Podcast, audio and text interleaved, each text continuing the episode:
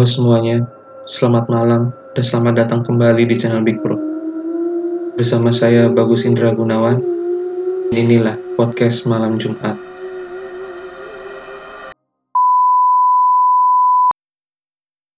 Di episode 2 ini, podcast malam Jumat mendapat kiriman cerita dari Ed Elsa Islamai. Terima kasih Kak Elsa atas kirimannya. So, langsung saja kita putar rekaman dari Kak Elsa. Halo semuanya, perkenalkan. Nama aku Elsa. Pada kesempatan kali ini, aku ingin berbagi cerita pengalaman pribadi aku yang aku alami beberapa tahun yang lalu. Sebelumnya, aku memang pernah mengalami beberapa kejadian aneh. Namun, kejadian kali ini benar-benar membuatku bingung dan terkejut karena aku mengalaminya di sekolah. Saat itu, tepatnya tahun 2016, aku bersekolah di salah satu SMA negeri di Jakarta Selatan. Saat itu aku kelas 10. Aku sekolah seperti biasa. Pada hari itu, hari Rabu, aku ingat betul karena pada hari itu aku mengenakan pakaian pramuka. Aku diantar oleh ayahku berangkat ke sekolah. Namun, pada hari itu berbeda. Karena ayah mengantarku begitu pagi karena suatu alasan. Sampai di sekolah pukul 5 pagi. Waktu begitu sangat gelap. Matahari pun belum muncul. Namun penjaga sekolah sudah datang. Akhirnya, aku dibukakan pintu gerbang oleh penjaga sekolah. Begitu aku masuk, aku berjalan menuju koridor untuk menuju kelas. Begitu berjalan menuju koridor dan melewati lapangan, aku disapa oleh guru bahasa Indonesia. Sebutlah Bu Nina. Bu Nina menanyakan kepadaku, Elsya, mengapa kamu berangkat sepagi ini? Apa rumahmu jauh? Tidak bu, rumah saya dekat. Biasanya juga saya sudah datang, tapi memang ini terlalu pagi karena ayah ada keperluan. Oh begitu, ya sudah, Selesai berbicara dengan Bu Nina, aku berjalan melewati lapangan menuju tangga. Oh iya, aku ingin kasih tahu dulu ke kalian bahwa sekolahku ini mempunyai dua tangga kanan dan kiri untuk menuju ke lantai dua dan tiga. Begitu lewat di lapangan bola, aku menuju lapangan voli. Dan aku melihat sebelah kiri, ternyata tangga sebelah kiri pintu gerbangnya belum dibuka, masih terkunci. Akhirnya, aku memutuskan untuk naik tangga di sebelah kanan.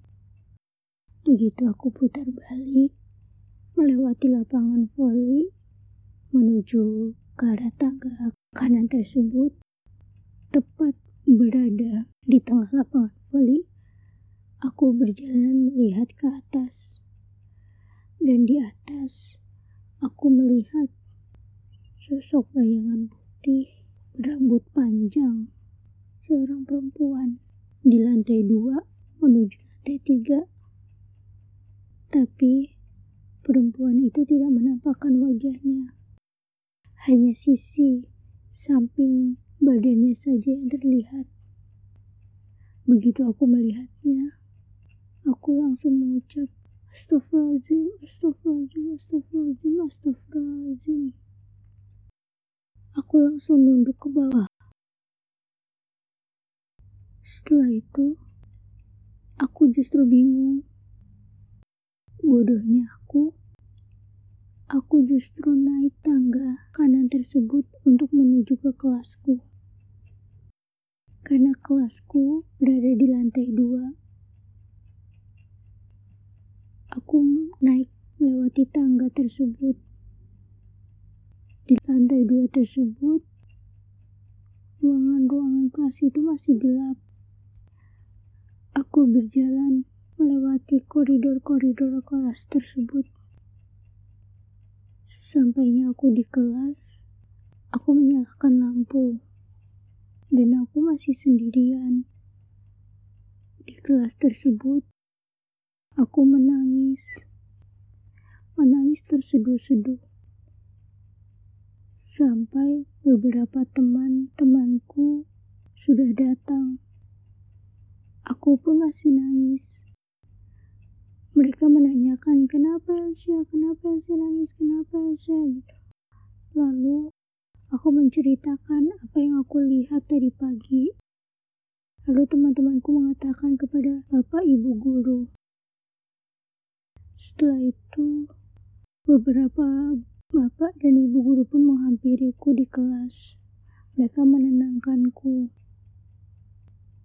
Begitupun wali kelasku. Wali kelasku menelpon ibuku untuk datang ke sekolah. Karena aku belum juga berhenti menangis. Setelah beberapa lama, kemudian guru agama membacakan doa, menenangkanku, dan lama-kelamaan aku pun mulai tenang. Singkat cerita, di tangga lantai dua sebelah kanan yang aku lihat tersebut memang ada lukisan perempuan berambut panjang dan memakai baju warna putih. Aku tidak tahu jelas apakah perempuan itu merupakan perempuan di lukisan tersebut atau memang penunggu sekolahan. Yang jelas, setelah kejadian itu, setiap kali aku melewati tangga lantai dua, aku tidak berani melihat lukisan tersebut. Aku merasa takut. Begitu pula sebaliknya. Setiap kali aku datang ke sekolah pagi-pagi sekali, aku tidak berani untuk menuju kelas kembali.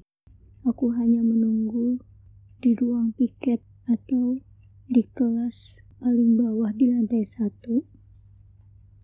Begitu waktu sudah siang atau aku sudah ada teman, aku baru menuju kelas bersama-sama.